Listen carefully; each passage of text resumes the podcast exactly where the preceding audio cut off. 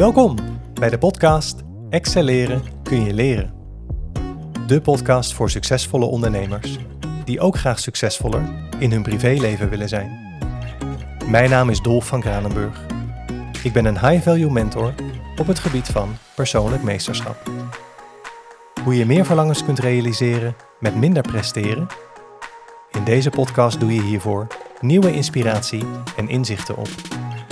Zodat jij naast succes als ondernemer ook als vriend en partner verbinding en voorspoed zult gaan ervaren. Want excelleren, dat kun je leren. Een hele goede dag allemaal. Welkom terug bij een nieuwe aflevering van Excelleren kun je leren. Superleuk dat je weer luistert. Op dit moment neem ik mijn uh, tweede gastpodcast van deze week op. Buiten schijnt het zonnetje, maar uh, mijn volgende gast is ook absoluut het zonnetje in huis. Ik denk dat dit een van de mensen is met de, mag ik wel zeggen, fijnste energie die ik ken. Ik vind het altijd heel fijn om met deze persoon te zijn. Goedemorgen. Goedemorgen, Dol. Zou jij je even willen voorstellen, wie ben je? Zeker. Uh, mijn naam is Anita van der Voort, 42 jaar, uh, woonachtig in Zoetermeer. Heel gelukkig met Tony, mijn vriend, al 15 jaar, en kat. Ja, dat eigenlijk. Superleuk. Ja. Welkom. Hartstikke leuk dat je er bent. Dankjewel. Het is niet de eerste keer dat wij een podcast met elkaar opnemen. Zeker niet. Ik denk de vierde inmiddels. De eerste drie waren weer bij mij. en we doen het wel goed. We zijn een leuk duo samen. Toch? Ja, we zijn een beetje opgewarmd uh, ja. inmiddels. Ik ja. vind het hartstikke leuk dat je nu uh, in mijn podcast uh, te gast bent. Ja. Vorige keer was dat in de Eigen Wijze podcast. Ja, klopt. Want je bent zelfstandig ondernemer. Ja. Wat voor, ja, wat voor bedrijf heb je? Ja, dat is een goede vraag. Mijn bedrijf waar ik van leef, dat heet Ontspannen Jij. Dat is een bedrijf um, uh, waar mensen aan zichzelf kunnen werken op het gebied van ontspanning, coaching, beweging. Alles om dichter bij jezelf te komen. Uh, daarnaast mag ik ook een stichting runnen. Noem je dat zo? Runnen? Ik denk het wel. Ja, dat is vrijwilligerswerk, maar daar word ik echt heel gelukkig van. En dat is eigenlijk een centrum voor persoonlijke ontwikkeling. Maar wat het ook beschikbaar maakt voor mensen met een klein budget. Ook voor mensen die nieuw zijn in Nederland, mensen die eenzaam zijn. Het verbindt alles met iedereen. Rijk met arm, zwart-wit met paars, jong met oud, dik met dun. Alles. En dat is een beetje mijn missie. Verbinden. Mensen met zichzelf laten verbinden, maar ook met de ander. Prachtig. Ja. En zo toch een hele, hele con concrete positionering. Verbinding. Ja, verbinding. Ja. Prachtig. Maar het is denk... een beetje een containerbegrip, maar ja, verbinding, dat is echt wel de rode draad. Ja. Prachtig. Hoe lang ben je al ondernemer, Anita? Dat is ook een goede vraag. Acht jaar inmiddels. 2014 werkte ik nog bij mijn vorige vaste baan. Bij een advocatenkantoor. Daar was ik niet optimaal gelukkig. Dus ik dacht, ja, ik moet er iets naast gaan doen. En dat werd dus eerst de stichting. -huh. En daarna heb ik mezelf uh, ingeschreven bij de Kamer van Koophandel als masseur toen, stoelmasseur. En toen had ik één klantje per maand naast mijn vaste baan, waar ik elke maand mocht masseren. Hoogtepunt van de maand? Hoogtepunt van de maand. Nou, ik vond mijn werk op zich wel leuk, maar ik wilde gewoon zingeving. En dat vond ik wel echt in dat stukje vitaliteit aan mensen geven. En dat weer dicht bij zichzelf komen. En dat was echt uh, de eerste stap naar het ondernemerschap. Gaaf. En dat is niet altijd over rozen gegaan, maar dat gaan we nog vertellen straks. Ja, daar, daar komen we zeker uh, op ja. terug. Maar laten we vooral ook uh, ja, de vaste prik in deze gastpodcast terug laten komen. De rubriek Mijn Waarheid versus Jouw Waarheid. Oh ja. En een goede gewoonte inmiddels betaamt dat jij mag beginnen. Anita, ja. hoe kennen wij elkaar? Hoe kennen we elkaar? Ja, dat gaat dus best wel ver terug. Um, zover dat ik het soms niet eens meer weet. Maar ik heb, ik denk in 2000... Nee, ja, 2002, 3, mijn waarheid is, is vast verschillend van jouw waarheid. Ben ik gaan sporten bij uh, Special Sports in Zoetermeer. Uh -huh. En daar gaf jij les. Steples. Steples, ja. daar ben ik nooit in een les geweest, want ik heb de coördinatie van de aardbei. Dus ik heb nooit in jouw les gestaan. Maar we zagen wel eens elkaar aan de bar en gewoon hoi, doei. Maar verder eigenlijk niet zoveel, in mijn beleving dan. En mijn huidige vriend werkte daar ook, dus eigenlijk was je een collega van Tony. En toen zijn we elkaar een beetje uit het oog verloren, heb ik het idee. En toen ging ik yoga doen bij Balans in Den Haag. En daar stond jij opeens. En toen had ik echt de meest slechte openingszin ever. Starstruck. maar echt. hey, volgens mij ken ik jou ergens van. Toch echt cheesy as hell.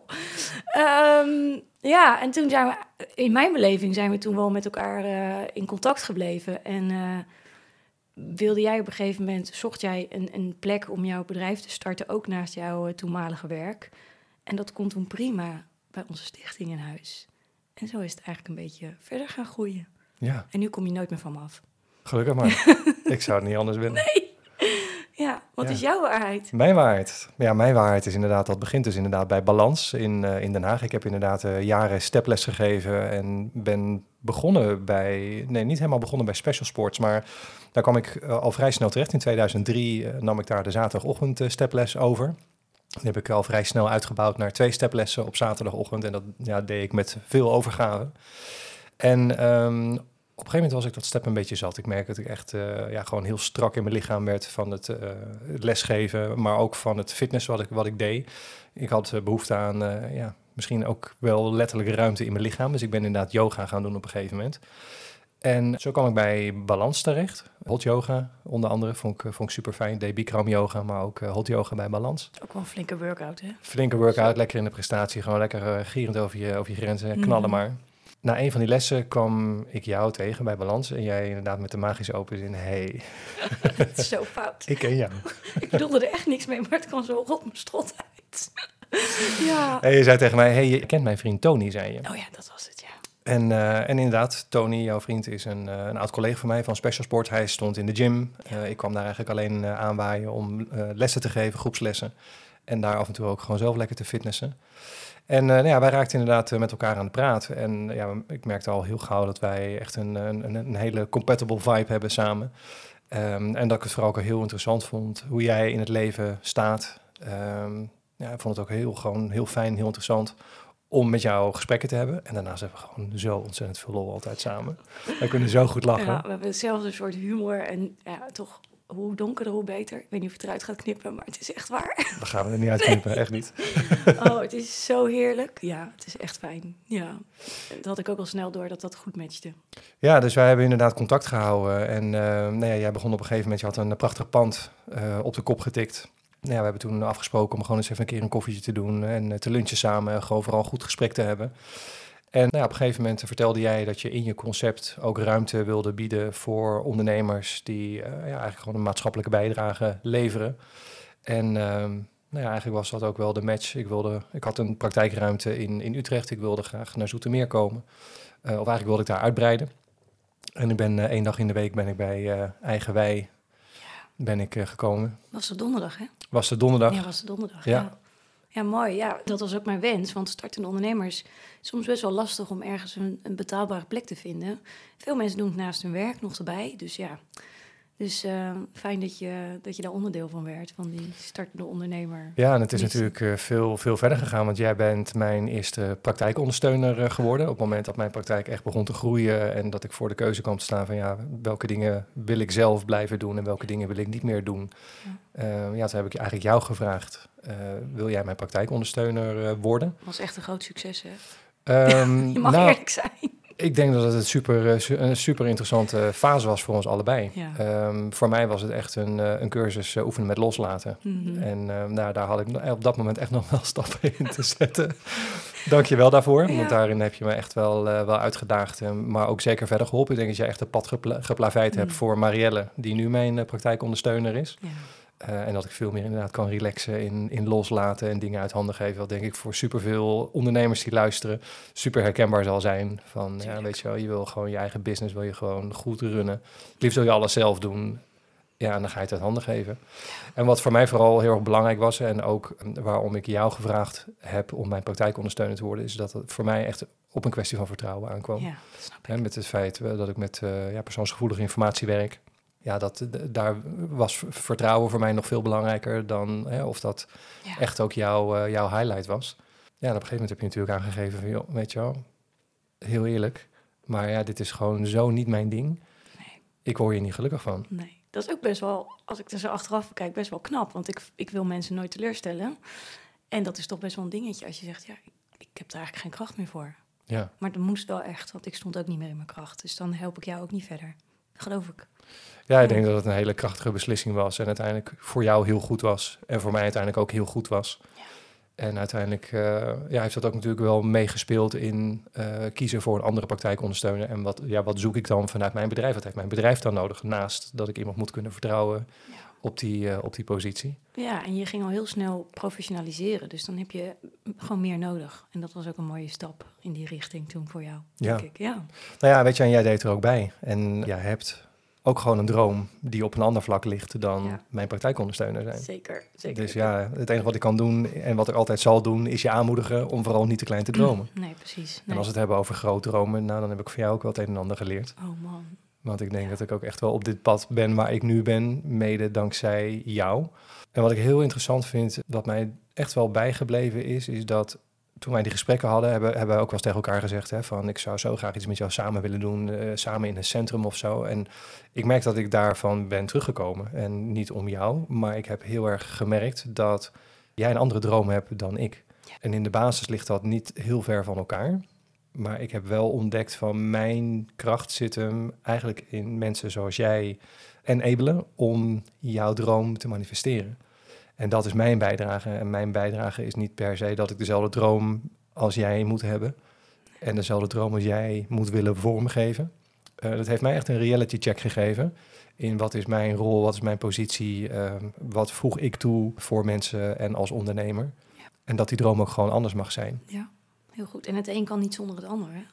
Dat geloof ik echt. Ja. Dus eh, ja, dus we hebben eigenlijk best wel een behoorlijke trip samen gemaakt. Echt wel? Zo, Ja. Ja, dat vind ik heel bijzonder als je zo even terugkijkt, zeg maar. Ja, zeker. Ja, goed. En we hebben natuurlijk heel veel eh, dingen samen gedaan. Hè. Het een en ander komt daarvan ook in deze podcast nog terug. Niet alles, hè? Niet alles. Nee. Nee, dat knippen we dan wel uit.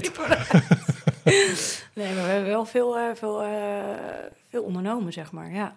ja. En Ja. elkaar denk ik ook wel versterkt. Spiegels geweest. Zeker. Ja, en dat heb je ook gewoon We nodig. hebben nooit echt ruzie gehad, hè? Nee, nog niet. Nee, dat niet eens kan gekomen.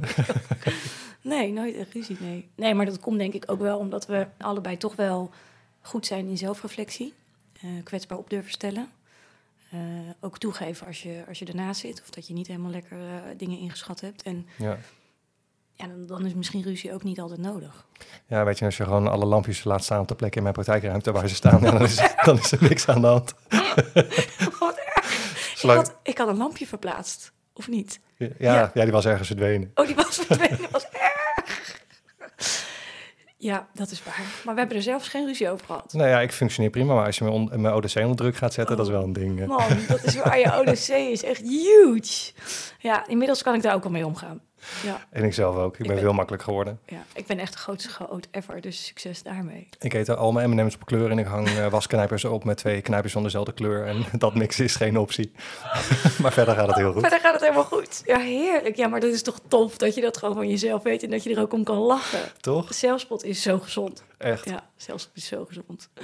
Oh, ik ga al je M&M's door elkaar gooien als ik een keertje de kans krijg. Waar zijn je wasknijpers? Dat vertel ik dus niet. Oh, jeez, ja. Ja, mooi. Ja, dus eh, ja, we hebben een aardige reis gemaakt zo. Ja, en, en letterlijk, hè, want jij bent vorig jaar ook een tijdje bij mij op Ibiza geweest. En eh, ja, jij, jij kende het eiland al. En eh, Ja. ja, het was ook een prachtige uitwisseling. Sowieso van allebei gewoon super blij zijn op het moment als je, als je daar bent. Ja. Eh, maar ook gewoon de plekjes laten zien en ja, gewoon helemaal opgaan in die, eh, in die Ibiza-vibe en in de, in de ervaring. Ja. Vond ik ook echt super leuk om, eh, om, om dat met jou te ervaren. Nou, zoals je ziet op mijn werkplek, daar staan, ja, staat jouw cadeau die ik van je heb gekregen. Met een aantal foto's die wij eh, gemaakt hebben, de momenten die we vastgelegd hebben op Ibiza. En eh, ja, jij bent zo super attent dat je Mm. mij wist te verrassen met eh, ja, zo'n zo'n lijst met allemaal van die fotootjes. En ja, en die staat hier dus gewoon op mijn werkplek. Ja, gaaf. en Staat denk hier altijd? ik, eh, die of alleen staat er ik altijd. Nee, die staat er altijd. Wat super mooi. Ja, gelukkig hebben we niet gelachen of zo. Jij Niet, bent hè? nog erger met foto's maken dan ik. Het is ongelooflijk. Ja, en als er één paparazzi is, naar ben jij. Niet normaal. Ja, hebben we echt gelachen. Dat gaan we dit jaar over doen, hè? Toch? Ja. Het waren maar drie dagen, maar het leek wel drie weken. Ja, ja. ik moest er drie, drie weken bij moest er komen. drie maanden van mij komen. Ja, maar jij houdt ook gewoon het leven ervaren. En ik geloof echt ja, dat dat gewoon de bedoeling is waarom we hier op aarde zijn. Om, om zoveel mogelijk dingen te ervaren en gewoon te absorberen. Dus eh, daar ging je ook echt in mee. We Ik vind het zo machtig interessant wat, wat het leven en wat de wereld te bieden heeft. Ja. En, en, en wat mensen te, te, te bieden hebben. Ja. Ja, Het leven is te leuk om, eh, om niet geleefd te worden, denk ik altijd. zeker. Ja, volledig geleefd te worden. Ja, dus dat. Ja. Ja, super, super leuk. ja, onze reis is nog lang niet afgelopen. Nou, De podcast niet. ook niet. Nee. en Ja, we, zijn, we zijn lekker op weg. Maar Ja. ja. ja, wat we natuurlijk ook eh, van jou willen horen is jouw, ja, jouw, jouw reis als ondernemer. Ja, nou dat is best wel een interessante reis. Ik denk er niet heel veel meer over na, maar als ik terugdenk is het best bijzonder geweest. Want ik was dus in vaste loondienst bij het advocatenkantoor, waar ik heel veel geleerd heb, waar ik ook eh, grotendeels wel op mijn plek zat. Maar er zat iets te broeden dat ik dacht, ja...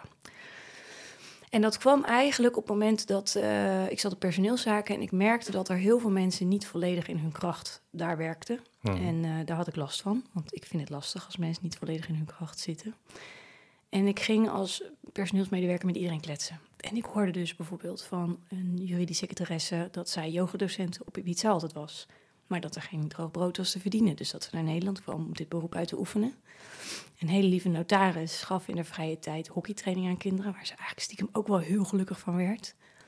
Een van de receptionisten had een eigen coachingspraktijk, maar niet genoeg klanten, dus dit deed ze als bijbaan bij. Toen dacht ik, jee, wat een talent hebben we in huis. En toen heb ik daar een soort plan omheen bedacht. Als we dat nou op elkaar los kunnen laten, dan heb je gewoon een heel vitaliteitsaanbod. Met zoveel talent. Maar ja, succes daarmee. Eh, geen budget, lastig qua organisatie. Dus nou ja, oké, dat plan heb ik weer geparkeerd.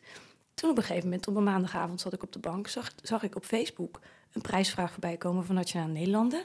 Wie bedenkt het gezondste bedrijfsidee van Nederland? Oké, nou, 200 woorden, bam, eruit geramd. Alt ego, plannetje, duurzame inzetbaarheid. Iedereen wordt veel gelukkiger als je vanuit je kracht werkt. Ingestuurd, eigenlijk wel helemaal vergeten. En na drie maanden werd ik gebeld door Laura van Nationale Nederlanden. Hey Anita, weet je nog dat je mee hebt gedaan met een prijsvraag? Was ik natuurlijk al lang weer vergeten met mijn ADD-hoofd.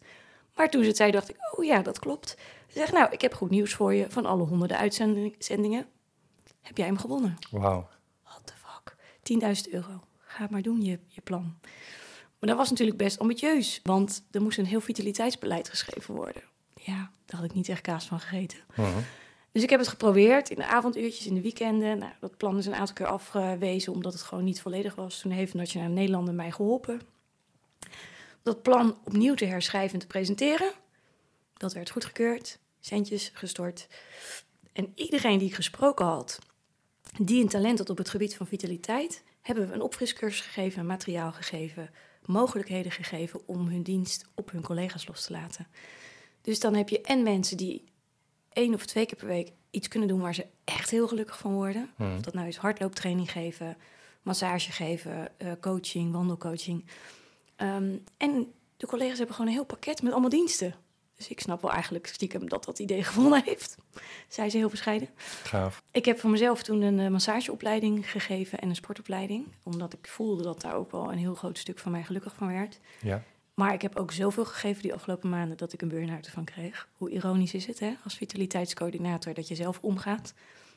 Maar soms heb je dat als je droom groter is dan je energiebatterij. En eh, toen ben ik omgevallen en toen ben ik na gaan denken van... nou joh, weet je, wat moet ik nou eigenlijk met mijn leven? Word ik gelukkig van loondienst? Word ik gelukkig van eh, achter de computer zitten? Nou, het antwoord was dus nee. Mhm. Daar gingen maanden overheen. Hè? Dus ik heb geprobeerd te reïntegreren. Nou, dat lukte allemaal niet. Toen ben ik met mijn leidinggevende in gesprek gegaan en gezegd... ik denk dat de liefde over is en dat ik verder moet. Ik, eh, hier heb je mijn ontslagbrief. Toen dacht ik, achteraf, hoe stom. Ik was hoofdkostwinnaar. Je hebt helemaal werkelijk niks als je ontslag neemt. Helemaal niks. En ik had één klant inmiddels. Die was er nog steeds. Die was er wel, nog steeds. Ehm, dus het was, ja, het was uiteindelijk echt een beslissing vanuit het hart. En ik geloof er echt in als je een beslissing vanuit je hart neemt... dat je beloond wordt door het universum. Voor de spiribiris onder ons. Dus mijn leidinggevende zei, eh, we gaan jou helpen. We gaan je helpen om eh, in goed overleg uit elkaar te gaan. Zodat je in ieder geval komende jaar eventjes tot jezelf kan komen... om te voelen wat je wil en misschien wel je bedrijf op te bouwen. Prachtig. Dus ja, dat was eh, heel prachtig, want eigenlijk stond ik met niks op straat. Maar dat maakte me eigenlijk ook niet uit, want ik was zo klaar met alles. En ik had zo zin om heel het roer om te gooien. Maar dat hoefde niet. Ik had alle tijd en ruimte om uh, bedrijf op te bouwen, om de stichting op te bouwen, op te zetten. En dat heb ik ook gedaan. En dat was acht jaar geleden. Wauw, Ja. een mooi verhaal. Ja, bizar hè? Ja. Ja. Weet je, en dan ga je eh, aan je droom bouwen. Ja. Je krijgt een- eigenlijk een kans voor een, eh, voor een great reset. Ja. Voor de spiribiris Ja. onder ons. Hele grote great reset, ja. Weet je, en dan, ga je het, ja, je gaat het, het roer omgooien. En dan, eh, ja, dan ga je iets, eh, iets opbouwen waar, waar echt je, je hart zit, waar je, je echt passie voor hebt, waar je Ja. blij van wordt. Ja. En ik denk dat elke ondernemer start met de wens en met de droom van ik ga iets neerzetten wat, wat waanzinnig succesvol wordt. Mhm. Toen jij dat bent gaan doen en daarin ging floreren, hoe is dat gegaan? Hoe, eh, Nou, mijn, mijn, mijn overtuiging is dat als iedereen echt dicht bij zichzelf zou zijn en super gelukkig met zichzelf en met zijn leven is, dat er ook geen oorlog meer nodig is. Dat mensen geen ruzie met elkaar hebben. Want als je in het verkeer fucked al bent, dan komt het vaak omdat je gewoon zelf een slechte dag hebt. Dat heeft niet zoveel met de ander te maken. Dus ik ben er echt van overtuigd dat op het moment dat je happy bent, helemaal diep van binnen, dat er ook geen fus meer in de wereld is. Dus zo ontstond eigenlijk mijn idee van ik wil zoveel mogelijk mensen gewoon content laten zijn met zichzelf en met hun leven. Dat kan ik niet alleen. Het kan heel ambitieus zijn, maar dat kan ik zeker niet alleen. Dus zo is het eigenlijk ook wel ontstaan dat ik dacht, oké, ik heb dus meer masseurs nodig bij bijvoorbeeld de stichting, bij Eigenwij. ja, Want in mijn eentje kan ik maar een x aantal mensen masseren. Eh, we hebben coaches nodig, yogadocenten. En hoe meer ondernemers, startende ondernemers daaraan verbonden zijn, hoe meer impact we kunnen maken. En aangezien ik zelf uit een gezin kom, een bijstandsgezin, wat enigszins dysfunctioneel was. Ik, ik laat hem eventjes, ik steek hem even laag in. Waar geen geld was voor sport, geen geld voor, voor ontwikkeling, op wat voor manier dan ook. Dacht ik van ja, dat kan ik mooi wel neerzetten. Maar ik wil vooral dat het, dat het voor zoveel mogelijk mensen bereikbaar is. ja, People before profit. Dat is echt mijn slagzin. Dus ja, daar haakten heel veel mensen op aan. En ik zag dat dat ook wel uniek was. Als in de een die yogales eh komt doen voor, weet ik, van tientje per les, ik weet niet, ik klets maar wat. Maakt het daarmee ook beschikbaar voor degene die het niet kan betalen. ja, En diegene die, die doneert zijn tijd, weet je, die misschien niet het budget heeft of bakt een taartje. Het klinkt allemaal heel kneuterig, maar ik geloof wel, dat maakt mij sowieso gelukkig. En het kan zoveel mensen erbij betrekken voor wie het allemaal niet weggelegd is. En zodra je geïsoleerd leeft, dus uit verbinding met de maatschappij, uit verbinding met de mensen, uit verbinding met jezelf, eh, stijgen de, de zo- zorgkosten. Weet je, mensen worden ziek, ze gaan eerder dood. Verbinding is naast eten en drinken gewoon een eerste levensbehoefte. ik ben het helemaal mee eens. Dus op het moment dat je die verbinding weer creëert, of dat nou is door een camouflageactiviteit zoals yogales of, of weet ik veel, sportles. Maar zodra je die verbinding weer herstelt en mensen weer het idee geeft dat ze erbij horen, dat ze gezien worden, dat ze in hun kracht staan door hun talent in te zetten binnen de stichting of binnen mijn bedrijf. Ja, weet je, dan ben ik gelukkig. En dat is een beetje uit de kluiten gegroeid. Ja, want daar zat eh Zoetermeer duidelijk op te wachten. Want jou, Ja. jouw stichting zit in Zoetermeer, eh, Stichting Eigenwij. Ja, En ja, dat ging natuurlijk ineens ging dat lopen. Er kwamen heel veel, Ja. heel veel mensen kwamen daarop af. ja. Zowel hè, de, de, de mensen die op zoek waren naar de verbinding als de, de, de ondernemers die daar een bijdrage aan, eh, Ja. aan wilden leveren. Ja. Wat deed dat met jou, Anita? Nou, dat was wel wat overwhelming. Want eh, ik had dus een bedrijf opgezet... waarmee ik gewoon drie, vier keer per week op pad was... om te masseren of sportles te geven of coaching te geven. En daarnaast ook nog eens zo'n bizarre groei in de stichting... waar we eigenlijk alleen met vrijwilligers werken. We hebben geen betaalde kracht in dienst. Succes daarmee. En dat is tot op de dag van vandaag een uitdaging. Dat durf ik echt te zeggen. Maar er zijn zoveel mensen zo dedicated om daar een succes van te maken... eh, dat het gewoon werkt. Ja, het werkt. En eh, zonder wrijving geen glans. Heb ik van een hele wijze eh, man geleerd. Ramon, hè, die zegt dat altijd. Ja, Ehm, dus ik geloof dat wij echt een onwijze diamant zijn... die steeds meer gaan, gaan bloeien, groeien en, en shinen. En ja, je ziet gewoon wat het doet met mensen. Zingeving gaat zoveel verder dan het geloof of spiritualiteit. Zingeving is ook je bed uitkomen om koffie te zetten voor iemand anders. ja. En je zei, of gaf als antwoord overwhelming. Ja, Wat, eh, hoe, ziet dat er voor jou uit? Nou, overwhelming als in, ik wil graag eh, eh, alles goed doen.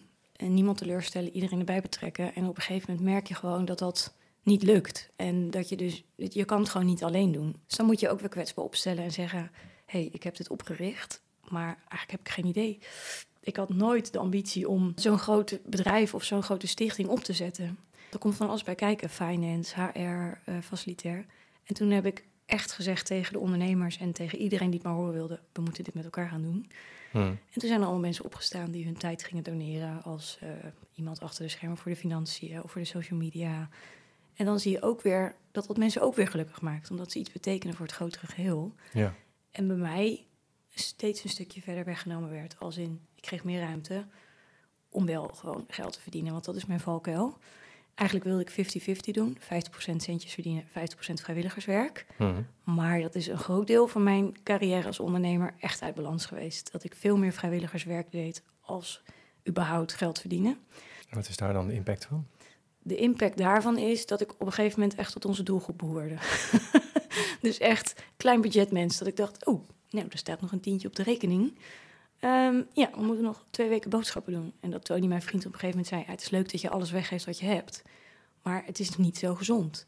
Nee, maar iemand anders kan het beter gebruiken dan ik. Want ja, ik kan met heel weinig leven. Want dat kan als je uit een bijstandsgezin komt. Ehm, maar het is ook wel lekker om wat meer te besteden te hebben. Dus ja, het is gewoon niet gezond. Hmm. En ik denk dat op de dag van vandaag dat het wel een uitdaging is. Maar er is ja, toch wel een paar jaar geleden een knop omgegaan tijdens de coronacrisis. Dat ik dacht, als ik zelf geen zuurstof heb, kan ik ook een ander niet helpen. Nee. En dan wordt het een hele ongezonde situatie. Dus eh, het leven heeft me wel geholpen om daar gezondere keuzes in te maken. En om het niet egoïstisch te vinden. Om ook gewoon goed geld, goed geld, om gewoon geld te verdienen. Ja. Kijk je ook zo terug op je burn-out? Zeker. Burn-out was het grootste cadeau ooit. Het waren er drie hè, in totaal, laten we wel wezen. Drie keer een burn-out. Ja, drie keer Wauw. burn-out. Sinds ik ondernemer ben, niet meer. Ik kan mijn eigen agenda bepalen, mijn eigen alles. Ehm, maar de derde burn-out, dat was ook wel dat ik dacht, ja. En uiteindelijk denk ik, zonder die burn-out had ik hier niet gezeten als ondernemer en als, als gelukkig mens. Dus het is wel een cadeautje. Hmm. Maar het was wel een pittige. Ja. Alle drie waren ze eigenlijk wel pittig. Ik ben gewoon een beetje eigenwijs. Eigen, de eigenwijze ja, podcast, eh, ja, toch? Ja, dat is het. Ja, dus, Goed eh.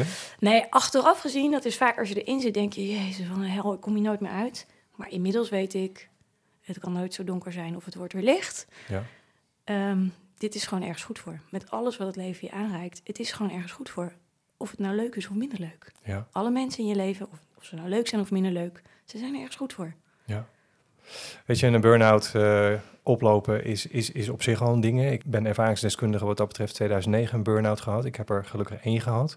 Maar wat betekent het voor je op het moment als burn-out een herhalend patroon wordt? Hmm, Ja, goede vraag. Daar moet ik even over nadenken. Dan gaat er wel ergens een lampje branden van... misschien moet ik iets veranderen in mijn leven. Ehm 2011 kreeg ik ook nog kanker erbij. Als een soort van cadeautje. Hier heb het. Mijn oma overleed. Dat was echt de rode draad in mijn leven. En dan eh, een paar jaar later ook nog die burn-out. Dus toen ging er wel een lampje branden dat ik dacht... hmm, wat zouden de patronen zijn... waardoor ik elke keer in dit pakket beland? Ik voel we naartoe gaan. Eh, en ik had al heel veel gedaan. Want als je uit een ontwricht gezin komt, dan krijg je allerlei hulp aangeboden. Dus vanaf mijn vijftiende heb ik pff, psychologen gezien, psychiaters, groepsessies, praatgroepen. Je kan het zo gek niet bedenken of ik heb erbij gezeten. Dus ehm, nou, dan was je op een gegeven moment na twintig jaar ben je er ook wel klaar mee. Maar goed, ja, je wilt toch aan jezelf blijven sleutelen.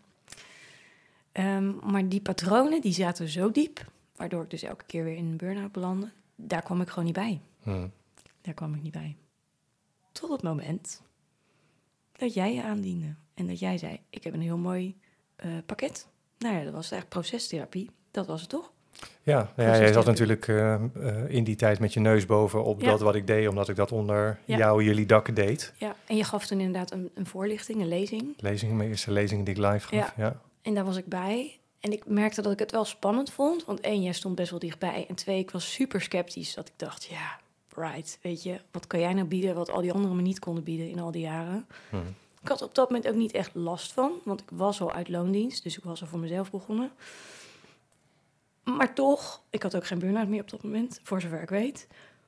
Maar toch raakte wel de materie die jij toen noemde en de voorlichting die jij gaf, raakte wel iets. eh, vooral in die, in, die, ja, in die diepe kern, dat ik het wel voelde. En toen heb ik denk ik een gesprek bij je aangevraagd om te kijken of het dan passend zou zijn. Klopt dat? Ik weet het niet meer zo goed eigenlijk. Ja. Heb ik gevraagd aan Ja, jou, van, zou dat iets voor mij zijn? Ja. Dat was het, ja.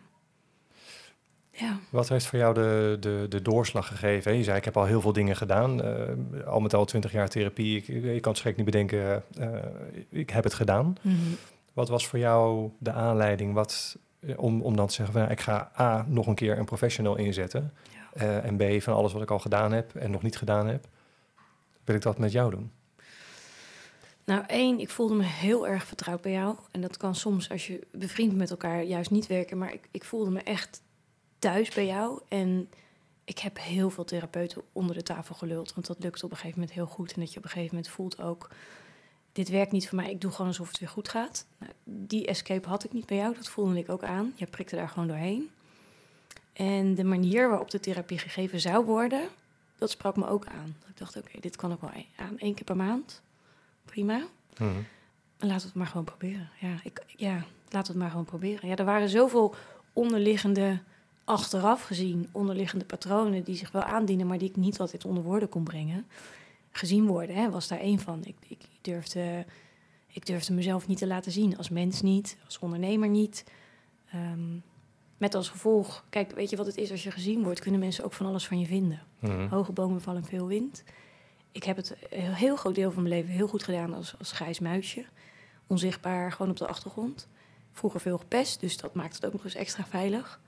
Maar je komt ook niet verder in het leven als je, ja, als je niet durft laten zien. En als je niet eens naar jezelf kan kijken. Want wat is er dan mis met je eigenwaarde en je zelfliefde? Als je een foto of een filmpje van jezelf ziet of je hoort jezelf en je walgt ervan, ja, dan gaat er iets niet helemaal goed hoor. Mhm. Ehm, dus ja, voor mijn eigen groei en ook voor mijn bedrijf. Maar dat was zeker niet de eerste intentie waarom ik bij jou instapte. Maar vooral voor mijn eigen groei en om verder te komen, dacht ik, ja, let's give it a try. Ja, je noemde al, hè, want we ook, ja, wij, wij gaan al een tijd terug en, en, en we waren toen al een tijd met elkaar in gesprek. En voor mij als professional is dat ook echt wel een punt van aandacht. Eh, Van wanneer werk je wel met een bekende, wanneer werk je niet met een bekende. Eh, ik heb daar inmiddels een, een goed concept voor gevonden. Dat ik echt wel kijk naar hoe ver staat iemand van mij af. eh, en hoe, ja, in hoeverre is iemand ook een deel zeg maar, van mijn inner circle. Waarbij ik aan de ene kant hoor dat mensen de afweging maken van... hè, jij kent mij te goed, je staat er dichtbij, dus eigenlijk wil ik dat niet met jou doen. Terwijl voor andere mensen dat juist de doorslaggevende factor is. Van ik kan, voel me bij jou zo veilig en op mijn gemak... dat ik het eigenlijk alleen maar bij jou aandurf om, om echt all the way te gaan. Ja. Ja, en daarbij, weet je, ik, voor mij hoeft het niet allemaal zo zwaar. En dat, ik, dat ongetwijfeld bij andere mensen anders aanvliegen. Maar we hebben ook enorm vaak gelachen tijdens de sessies. En eh, dat ik chocola mee had genomen en dat, dat we allebei zeiden... oké, we gaan nu even onze emoties wegvreten. Ja, weet je, dat kan niet met elke therapeut. En ik ben me er echt van bewust dat je niet met elke klant of cliënt zo omgaat. Maar voor mij was dat echt nodig om het iets wat luchtig aan te vliegen. Terwijl dat we hele diepe dalen doorgegaan zijn. We hebben van alles en nog wat doorgeworsteld, maar voor mij was dat stukje humor en toch wat luchtigheid was zo belangrijk om het, om het eh, ja, aan te durven, aan te gaan en vol te houden. Ja, Dus ja, dat was, ik, ik, ik zag gewoon ook echt de dolf daar tegenover me zitten zoals ik jou ken. En niet een of andere uitgestreken therapeut dat ik dacht, ja, jouw leven is net zo fucked up als die van mij en dan ga jij vertellen hoe het moet. Ik nam ze echt niet meer serieus. ja.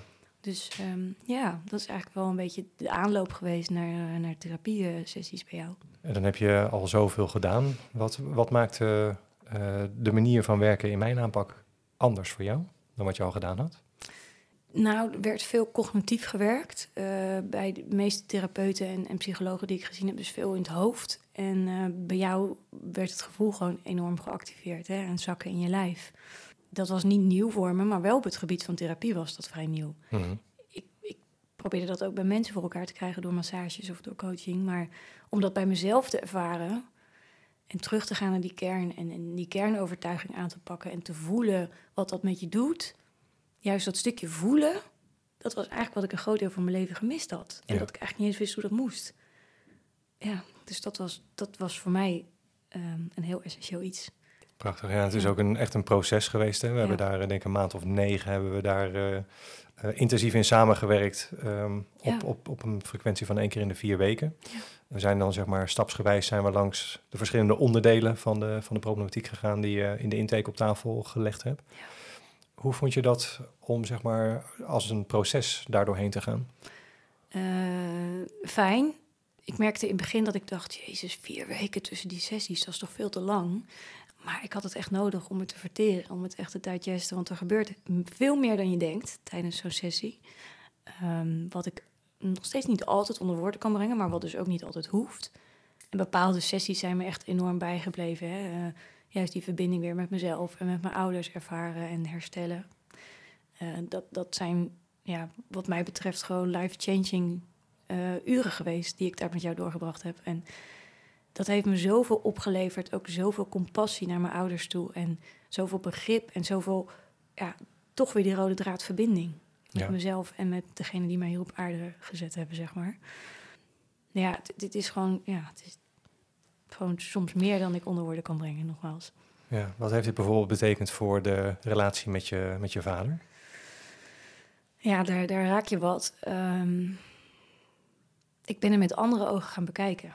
Ehm, wat ik geleerd heb daar was ik al wat mee bezig. Maar wat ik zeker tijdens die maanden bij jou geleerd heb, is dat ik ehm, hem met andere ogen mocht bekijken. Dat hij gaf wat hij, wat hij kon en wat hij zelf geleerd heeft. Dat het iets anders was wat ik nodig had. Ja, want jullie visies stonden op, op een enig moment Ja. echt lijnrecht tegenover elkaar, herinner Ja. ik me. Ja, heel erg. Want eh, ja, ik, eh, ik, ik wilde heel de wereld helpen. En hij was vooral ook met zijn eigen plezier bezig, waar ik heel veel van kan leren uiteindelijk. Maar nee, we hadden echt een wereld van verschil. Het was ongelooflijk. Maar als je die verschillen opzij zet. ehm, en je gaat gewoon met elkaar in gesprek voor zover mogelijk is. En je voelt de compassie en, en, en dat wat hij kan bieden, dat omarm je gewoon. Ja, je moet gewoon zo bekijken. Onze ouders, en ik denk dat dat voor veel van ons geldt, hebben naar eer en geweten ons grootgebracht. En met de middelen die ze hebben, met het bewustzijn wat zij hebben en wat ze mee hebben gekregen vanuit hun eigen huis.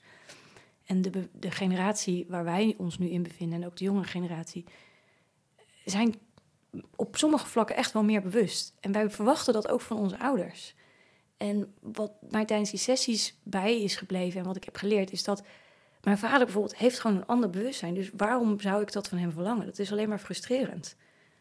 Ja, het is echt, het is, ja. Nou, uiteindelijk heb ik dus wel verbinding met hem gevoeld. En de laatste jaren van zijn leven zijn we enorm fijn met elkaar omgegaan. Hebben we mooie gesprekken kunnen voeren. Hij is pas geleden overleden. We hebben alles kunnen vertellen tegen elkaar wat we wilden. We hebben gehuild samen, we hebben gelachen samen. Ehm, ja, waardevol.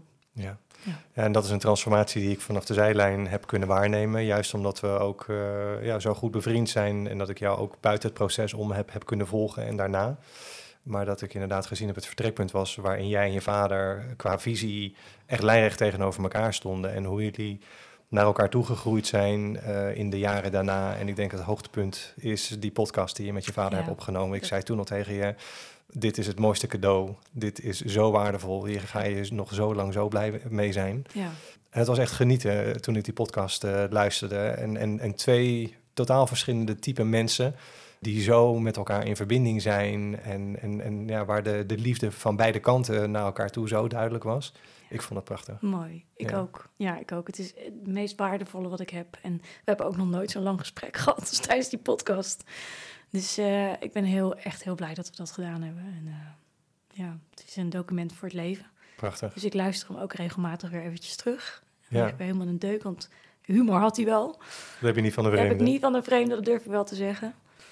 Maar eh, ja, de compassie die ik voor hem ben gaan voelen en het begrip, dat eh, niet meer de boosheid. En ik zie nu ook in, kijk, heel veel mensen kunnen gefrustreerd zijn dat ze niet gezien worden. Of dat nou is door hun ouders of door hun partner of door hun werkgever. Maar als je jezelf niet durft te laten zien en je behoeftes niet uitspreekt, dan wordt het heel lastig voor de ander. Dus op het moment dat ik, zeker na die sessies, met mijn vader in gesprek ging van... joh, dit is eigenlijk wat ik van je verwacht, maar ik snap dat dat niet altijd kan... dan snapt die ander ook wat je nodig hebt. Dus jezelf laten zien is niet alleen maar met je porum op Facebook. Jezelf durven te laten zien is ook kwetsbaar durven te zijn en zeggen... ik mis soms gewoon je interesse in mij.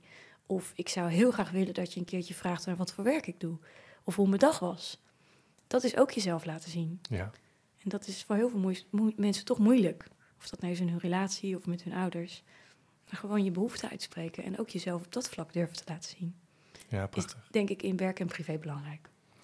Ja, je vertelde ook hè, hoe dynamisch je dat, eh, dat proces hebt ervaren waarin ik je begeleid heb. Ehm, we, maken dat aan de voorkant meetbaar en concreet ook door eigenlijk een, een plan van aanpak te maken. Daarin ook je doelstellingen op te nemen van waar gaan we voor, waar sturen we op en hoe weten we dat dit ook voor jou effectief is. Ehm, ik heb je ook tijdens het proces verteld hè, van elke stap die we zetten is een deel van de probleemoplossing. En de werkelijke verandering die gaat komen in de jaren daarna. Ja. Als we kijken naar het proces zelf en de doelstellingen die je vooraf gehaald had, wat was dan je progressie op je doelstellingen in het traject? Ehm, ja, het waren een paar doelstellingen die ik had. Eén was inderdaad de zichtbaarheid, maar twee ook eh, vliegangsten. Mhm. En eh, mijn angst eh, voor overgeven. Nou, als we dan de vliegangst uitpakken, Ik ben afgelopen zomer gewoon alleen met het vliegtuig naar Ibiza gekomen. En dat was Geweldig. echt een overwinning. Ik heb niemand zijn hand fijn geknepen die naast me zat. Ik kon er zelfs van genieten. Ik heb je niet hoeven oprapen op het vliegveld. Nee. Wil Dolf alsjeblieft daar niet help komen halen? Nee, is niet gebeurd. Ehm, dus ik, ja, wat jij altijd zei, je gaat nu nieuwe loopgraven aanmaken eh, nadat de sessies afgerond zijn. En dat is echt waar. En je, het gaat nog jaren door. Hoe heeft het voor je doorgewerkt? Nou ja, door inderdaad dat soort stappen te nemen. Mezelf niet meer kleiner te maken. Alleen dingen te durven ondernemen. ehm, meer zichtbaar te durven zijn. Ik ben nog steeds geen fan van overgeven. Maar ik durf wel uit eten te gaan. En eh, ja, gewoon met mensen thuis aan te schuiven. Zonder dat ik denk, ze zullen me vast wel iets geven wat niet goed is. Ja. Ehm, dus meer vrijheid ervaren. Dat is het eigenlijk. Vrijheid op het gebied van leven en zijn en genieten van dingen die zich aanbieden. Wat betekent dat voor je levenskwaliteit? Ja, omhoog. Ja, dat is een retorische vraag. Dit Dolf. Ja, enorm, enorm veel levens, meer levenskwaliteit en meer, ehm, meer plezier gewoon. Hm. Plezier zonder altijd maar na te hoeven denken over bepaalde gevolgen of over angsten of over belemmeringen. Of gewoon zijn en genieten.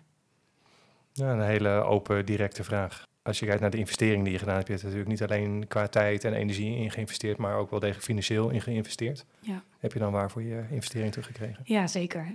Ehm, zeker toen, ik weet nog wel, toen ik ja zei, dan had ik echt werkelijk geen cent te makken. Jij zei dat ik het gewoon per maand kon betalen, dus dat was heel fijn. En elke maand diende zich weer iets aan, waardoor ik dus eh, de sessies kon betalen. Heel bizar, of dat nou een cadeautje was, of een extra opdracht, of van alles. Dus ik werd wederom geholpen door het universum. Zo, zo werkt het echt. Ik werd gewoon beloond. En dat was het zeker waard. Ja. Prachtig. Ja. Nou, ik denk dat het, als je die stap zet, dat je ook een bepaald commitment naar jezelf toe maakt, maar ook zeker een signaal aangeeft van hé, hey, ik ben zover, ik ga, ik ga hiervoor. Ja. Eh, en als dat ook de bedoeling is op dat moment, dan geloof ik ook dat je daarmee geholpen wordt. Ja, ik geloof het ook wel. En ik denk dat ik daardoor echt gegroeid ben als mens. Als ondernemer, maar ook zeker als mens. En mezelf niet zo klein maak. Dus ja, dat is eigenlijk gewoon onbetaalbaar. Prachtig. Ja, En als dan je referentiepunt is een herhalend patroon van, van burn-outs. Je hebt dan maar liefst drie burn-outs. Je eh, krijgt op een gegeven moment krijg je huidkanker. Daarin, daarvan herstel je. Ehm, je bent je super bewust van nou ja, die vitaliteit en, en, en de tekortkomingen die je daar eerder in je leven in hebt hebt ervaren. Hoe is je balans zeg maar, nu tussen eh, zakelijk succes en privé succes? Ik vind de definitie van succes dus interessant. Want dat is voor iedereen anders. Wat is succes voor jou? Eh, succes voor mij is dat ik mezelf kan zijn. In elke mogelijke situatie. Dat ik daarin geaccepteerd word. eh, en dat ik vanuit die positie anderen mag helpen. Eh, dat is voor mij op dit moment het hoogst haalbare succes. ehm, zakelijk gezien. Succes privé gezien betekent dat ik verbinding voel met mijn partner en met mijn vrienden om me heen. Mhm. Plezier maken en herinneringen maken. Ehm, en als je daarnaar kijkt, dan, eh, dan ben ik volgens mij de meest succesvolle persoon ever. Ik ervaar zingeving. Ehm, ik mag het doorgeven aan anderen. Ehm, ik ben gewoon een blij ei. Ja, gewoon een heel blij ei. Waarmee ik anderen ook weer aansteek. Ja, dat is het. En ja, verbinding ervaren, dat is het. Dus dat ervaar ik echt in, in mijn werk. Ik ben nu ook eh, freelance sociaal werker in een buurthuis. Kan je mensen ook weer in hun kracht zetten.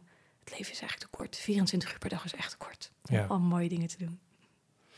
En als je kijkt naar de mogelijkheden, zeg maar, die zich voordoen door de stap die je gezet hebt, eigenlijk de ruimte die je, die je creëert om eigenlijk jezelf te gaan manifesteren, heeft dat je ook nieuwe eh, doelen of nieuwe dromen voor de toekomst gegeven? Ehm, ja, goede vraag. Nou, waar ik me wel bewust van ben, is... Ik had altijd de neiging om de wereld te redden. En ik ben inmiddels wel in de overtuiging dat iedereen vooral de verantwoordelijkheid heeft om zichzelf te redden. Dat, dat ligt echt bij de mensen zelf. Je kan ze de tools aanreiken en ervoor zijn als mensen het oh, voor ze zijn als ze dat willen. Ehm, dus mijn, mijn wens is niet om nog meer eigen wijtjes overal neer te zetten. Dat Mhm. was het een paar jaar geleden wel, als je dat aan mij vroeg. Ja. Eh, op dit moment is mijn wens om meer naar binnen te keren in de toekomst. Tijdelijk, ook niet altijd. Wat bedoel je daarmee? Eh, meer tijd voor mezelf te reserveren. Ehm, in stilte. En eindelijk dat boek te schrijven. Ja, Waar ga je een boek over schrijven? over mijn leven natuurlijk. Oh, wauw. Ja, het is nu al een bestseller. ja, ik ben al begonnen. Ik heb al een paar hoofdstukken af. Ehm, en ik merk dat door de ruis van het leven en door de drukte dat het er niet altijd van komt. Maar bijvoorbeeld dit jaar in mei ben ik een hele maand vrij en dan wil ik echt ook wel een groot deel gaan schrijven. Dat is echt. Uh... Je zegt twee hele interessante dingen. Ik, vind het leuk om even met het eerste te beginnen. Wat, wat je eigenlijk zegt, hè, dat naar binnen toekeren. Uh, ik, ik weet dat jij jaarlijks dat je zo'n week reserveert, boekt, uh, waarin je gewoon echt off the grid bent, zeg maar. Um, en volgens mij dat contrast met jou, met die week en met hoe jij je leven in die 51 andere weken leeft, kan niet groter zijn. Nee. Ik vind dat zo uh, knap, hoe iemand die altijd, maakt niet uit waar, hoe laat, jij bent altijd op social media, je bent altijd ergens actief. En er Mm. komt altijd, zoals je noemt, ergens weer een brain fart, waar dan zeg maar weer iets uit voortkomt en wat jij voor me gaat geven. Je, je bent beschikbaar voor heel veel mensen. Je krijgt daar ook heel veel energie van. Ik, af en toe denk ik wel eens van wauw, wat knap hè. Ik, ik, ik heb, wij hebben een andere dynamiek, dus ik, ik zou daar vooral heel moe van worden. Ja, ik ook soms wel hoor. Maar ik, ja, ik vind het vooral heel knap ook. Hè. Dus hoe uh, interactief, hoe sociaal, uh, hoe verbindend, hoe communicatief jij kan zijn. En eigenlijk heel veel bent en levert. En hoe je dan zo'n week Ja. compleet off the grid kan gaan. Het is ook echt wel confronterend de eerste dagen hoor. Ja, wat, wat gebeurt er in zo'n week dan? Sowieso hou ik van contrast. Ik hou van bleekselderijsapjes en daarna Tony Chocoloni atten. Ik hou van mensen met diepgang en daarnaast echt mega slechte donkere humor. Ik hou gewoon van contrast. Dus dit wat jij nu opnoemt, dat is ook contrast en top. En dat ben ik ook gewoon. Ja, wat ik wel eens heb gezegd, Tony moet mij delen met heel veel mensen. Ik ben van iedereen een beetje. Hmm. Eh, dat weet hij en dat is goed. Eh, maar soms is het ook heel gezond, denk ik, om vooral eventjes van jezelf te zijn. En hoewel het echt uit die comfortzone is, want het is echt een soort dopamine detox wat je doet die week. Ja, Geen tv, geen telefoon, geen kat, geen man, geen boeken zelfs. Gewoon een huisje in de natuur, navelstaren. navelstaren, ja, zeker. Gewoon zo, misschien op het oog suf, maar gewoon uren over het water heen staren. Gewoon alleen met je gedachten. En overdag gaat dat meestal goed. In de nacht is nog steeds een uitdaging. Ik vind het heel spannend om één alleen te zijn, twee in het donker te zijn. Maar ik geloof dat dat wat je spannend vindt juist moet doen. Hè? Dat is ook een beetje mijn mantra. Hmm. En er gewoon voor gaan. En elk jaar gaat het weer een stuk beter. En kan ik er zo intens van genieten. Om even helemaal niks te moeten. En geen verantwoordelijkheid te dragen voor iemand anders dan alleen mezelf. Ja, Ik bepaal wel of ik wil eten. Ja, als ik vla wil eten als avondeten, prima. Als ik niet wil eten, ook goed. Als ik om drie uur s'nachts honger heb, prima. En toch als mens pas je je altijd aan aan een ander. Zeker als je samenleeft of als je veel mensen om je heen hebt. En dat is ook oké. Maar als je dus een week lang alleen maar voelt wat jij nodig hebt, mindblowing. Je hebt daar helemaal niks voor nodig. Geen retraite, huisje in de natuur, punt. Het is echt dat is de tip van de week. tip van de week. Hij is gratis. Tip van de week. Ja, het is heel oncomfortabel in het begin. En heel veel mensen die vinden het ook heel spannend. Maar achteraf gezien is het echt het grootste cadeau wat je jezelf kan geven. En wanneer heb je dit voor het eerst gedaan? Eh, ik denk nu inmiddels zes jaar geleden. Ja, zes jaar geleden. En wat was het moment dat je dacht, ik ga een week off the grid? Was dat nut- of noodzaak? Ehm, Nou, dat is natuurlijk altijd noodzaak. Want geniale dingen komen vaak voort uit noodzaak. Ehm, het was het jaar voordat we met de dromenvangers naar Lesbos gingen. Mhm. Was dus, ja, was in 2016 zijn we naar Lesbos geweest. Dus 2015 heb ik dit voor het eerst gedaan. Is dus acht jaar geleden. Wauw. Het is acht jaar geleden. Ik merkte gewoon dat ik te veel naar buiten gericht was. Dat ik te veel met anderen bezig was en helemaal niet meer bij mijn eigen behoeftes kon. En wat, wat ik nou eigenlijk nodig had. En daardoor ook de wereld. En eh, toen ben ik dus een week in Reewijk gaan zitten aan het water. Dat was echt het slechtste idee ooit. Ik zat in een heel groot huis, in een boshuis. Met aan de ene kant water en aan de andere kant het bos. Hmm. Als je dus bang bent om alleen te zijn in donker, was dat niet zo heel goed Er zijn hele, hele goede films over gemaakt. ja, precies. Ze kwamen allemaal voorbij in mijn hoofd. Dus toen heb ik ook Tony gebeld van... Ik had wel een mini-telefoontje bij mijn Nokiaatje. Ja. Ik red dit niet. Ik zag allemaal spoken. Deurknoppen die naar beneden gingen. Het was alsof ik in een soort psychose zat.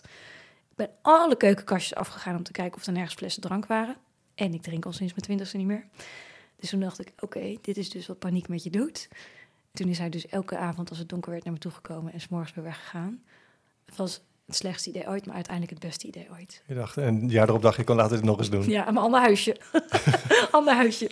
Maar wat wel heel succesvol was, als je het dan over succes hebt. ehm, ik durfde dus voor dat Reewijk-avontuur niet alleen thuis te zijn. En daarna wel. Toen dacht ik, nou, dat is het ergste wat er kan gebeuren.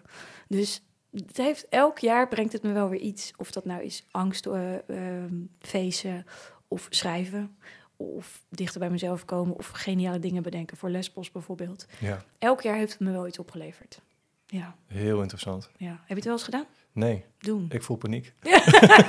Op paniek. Nou, ik denk wel dat wij met z'n allen, niet met z'n allen, ik wil niet generaliseren, maar ik denk dat we best wel verslaafd zijn aan dopamine tegenwoordig. Of dat nu is door sporten, door social media, door seks, door eten, door chocola, I don't know. Ehm, het is een beetje een, een brandstof geworden en ik wilde dus mezelf wel testen wat ik zou doen zonder dat en of ik het ook nog uit mezelf kon halen. Ja, Ehm, ja, dat is wel gelukt. Durf Ja. ik wel te zeggen en ik kijk er nu alweer naar uit. prachtig. Ja, mijn, mijn referentiekader is eh, de yogalessen die ik gedaan heb. Het, het stukje naar binnen keren, het stukje meditatie, wat ik ook veel gedaan heb. Maar inderdaad echt zo'n zo'n stilte-retraite. Ja, dat heeft me nog niet getrokken.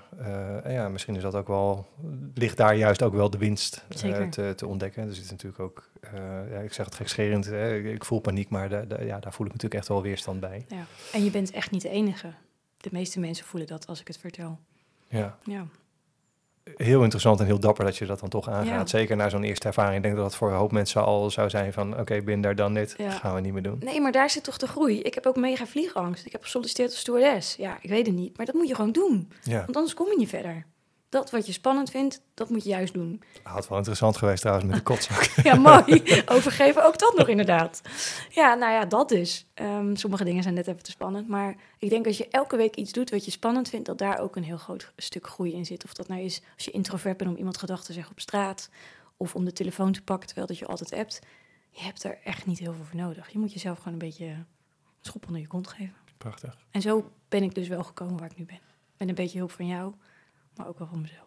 Mooi. Ja, En Prachtig hoe je dan ook daarna weer gewoon hè, je eigen pad ingaat. En, en ja, je eigen nieuwe uitdagingen aangaat. En vooral die comfortzone weer verder gaat opbreken. ja.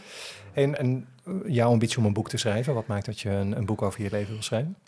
Nou, ik merkte dat een paar jaar geleden mocht ik eh, in de Happy Nut staan. eh, met, een, met een stukje van mijn levensverhaal, het werk wat ik doe. Mhm. En daar zijn zoveel reacties uitgekomen, echt duizenden. En toen dacht ik, hm, zo bijzonder is het toch niet? Maar blijkbaar hebben heel veel mensen een factor op jeugd gehad. En zijn ze aan het worstelen met zichzelf in dit leven en weten ze het allemaal niet. Toen ging ik met iedereen in gesprek. Toen dacht ik, dit is niet het beste businessmodel ooit. Want ik ging met iedereen gratis in gesprek en ik was echt weken bezig. En Tony zei, wat doe je? Ik zei, ja, goede vraag. Eh, toen dacht ik, als ik nou een soort boek maak... gewoon een boek wat mensen kunnen lezen als een soort handleiding... dat het echt... Dat, dat, kan nooit zo rot zijn, het komt weer goed. Zoiets. Ja, waarom niet? Weet je, dan hebben mensen een soort houvast. Ze hoeven niet duizend keer te vragen hoe ik het dan gedaan heb. Nee, het staat gewoon daarin. Stapsgewijs, met een flinke vleug humor en relativeringsvermogen. Maar wel met diepgang en, en nou, alles wat je eigenlijk van, van een boek verwacht over iemands leven en eerlijkheid. Ja. Dat ga ik doen. Maar goed, het is ook wel echt, als je het dan hebt over verwerking. Ik ben ook naar plekken teruggegaan, zoals Naaldwijk, waar ik opgegroeid ben, waar echt een onwijs lading op zat. Mhm. Ik dacht, ja, ik moet hier gewoon doorheen. Ik moet, ik moet dit voelen en ervaren en, en dus ook op papier zetten. Dus eh, Prachtig. Het is Ja. ook een heel helend proces. heel eh, helend. Ja, dus ook al koopt niemand het, het heeft nu als het doel gediend door voor mij als helend proces te dienen. Prachtig. En als je dan hebt over zichtbaar zijn, op het moment dat daar een tastbaar boek ligt over jouw leven, Ja. met je kracht en je kwetsbaarheid, ja, Ja. dan zichtbaarder dan dat kun je niet zijn. Nee, nee, het voelt ook heel kwetsbaar, maar I don't give a fuck. Het is Prachtig. wat het is. Dat is ook lekker. Goede mindset. Ja, Ik hou ervan. ja ik ook. Uiteindelijk wel. Zo lekker. Nice. Ja. Hey, voordat we naar een afronding gaan, eh, Anita, wat zou jij eh, de luisteraars nog mee willen geven? Ehm, weer zo'n goede vraag. Tof, je bent hier echt heel goed in. Dankjewel. Dank je. Tijd, Ehm, tijd kopen dit. Ja, precies. Ja. Eh, ik wil heel veel meegeven, maar ik denk dat het meest belangrijk is dat, ehm, dat ik de luisteraar gun dat ze, of ze nu in hun werksituatie zijn, of in hun thuissituatie, of bij hun vrienden, dat ze overal zichzelf mogen zijn. En dat ze niet overal andere petten op hoeven te zetten of denken dat dat van ze verwacht wordt. Ehm, wij leven in een maatschappij waarin je niet altijd de ruimte voelt om echt jezelf te zijn. Maar mijn ervaring is, als je die ruimte pakt, eh, niet altijd even makkelijk, maar als je hem pakt, dat het ook beloond wordt. Eh, beloond wordt met de baan of het bedrijf wat wel bij je past. Beloond wordt met de partner die wel bij je past. Maar echt tot op het bot jezelf durven zijn. Dan moet je eerst jezelf herkennen. Dus er is werk aan de winkel. Prachtig. Ja. Waar kunnen mensen jou en je bedrijf vinden, eh, Anita? Nou, op social media dus. Eh, wat betreft de massage, coaching, sporten op eh, Ontspannen Jij. Dus dat kun je vinden op Instagram, Facebook, www.ontspannenjij.nl. De stichting heet Eigenwij, met een lange ei. Dus eigenwijs zonder S. Ook op Facebook, Instagram. En eh, de website www.eigenwij. En verder mij vooral niet bellen.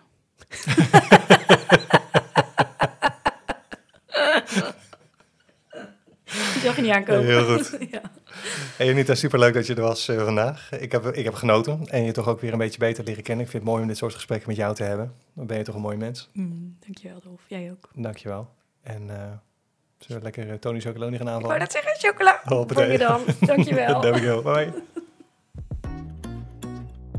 Dit was hem weer. Voor nu. Dankjewel voor je tijd en aandacht bij het luisteren. Als deze podcast waardevol voor je was, laat dan even een review achter. Je zou me een groot plezier doen door deze aflevering te delen met de mensen in jouw netwerk voor wie jij denkt dat dit ook meerwaarde heeft. Heb je nog vragen over wat je zojuist gehoord hebt? Of een suggestie voor onderwerpen waarover jij graag meer zou willen horen in een volgende aflevering? Stuur me dan een berichtje op LinkedIn, Instagram of Facebook. Abonneer je ook even op deze podcast als je dat nog niet had gedaan. Wil jij graag dieper ingaan op de mogelijkheden die er zijn voor jou? Om meer verlangens te realiseren met minder presteren? Bezoek dan mijn website www.dolfvankranenburg.nl Hier kun je jouw één op één Zoom call met mij inplannen. Voor nu wens ik je alle goeds en graag tot de volgende keer.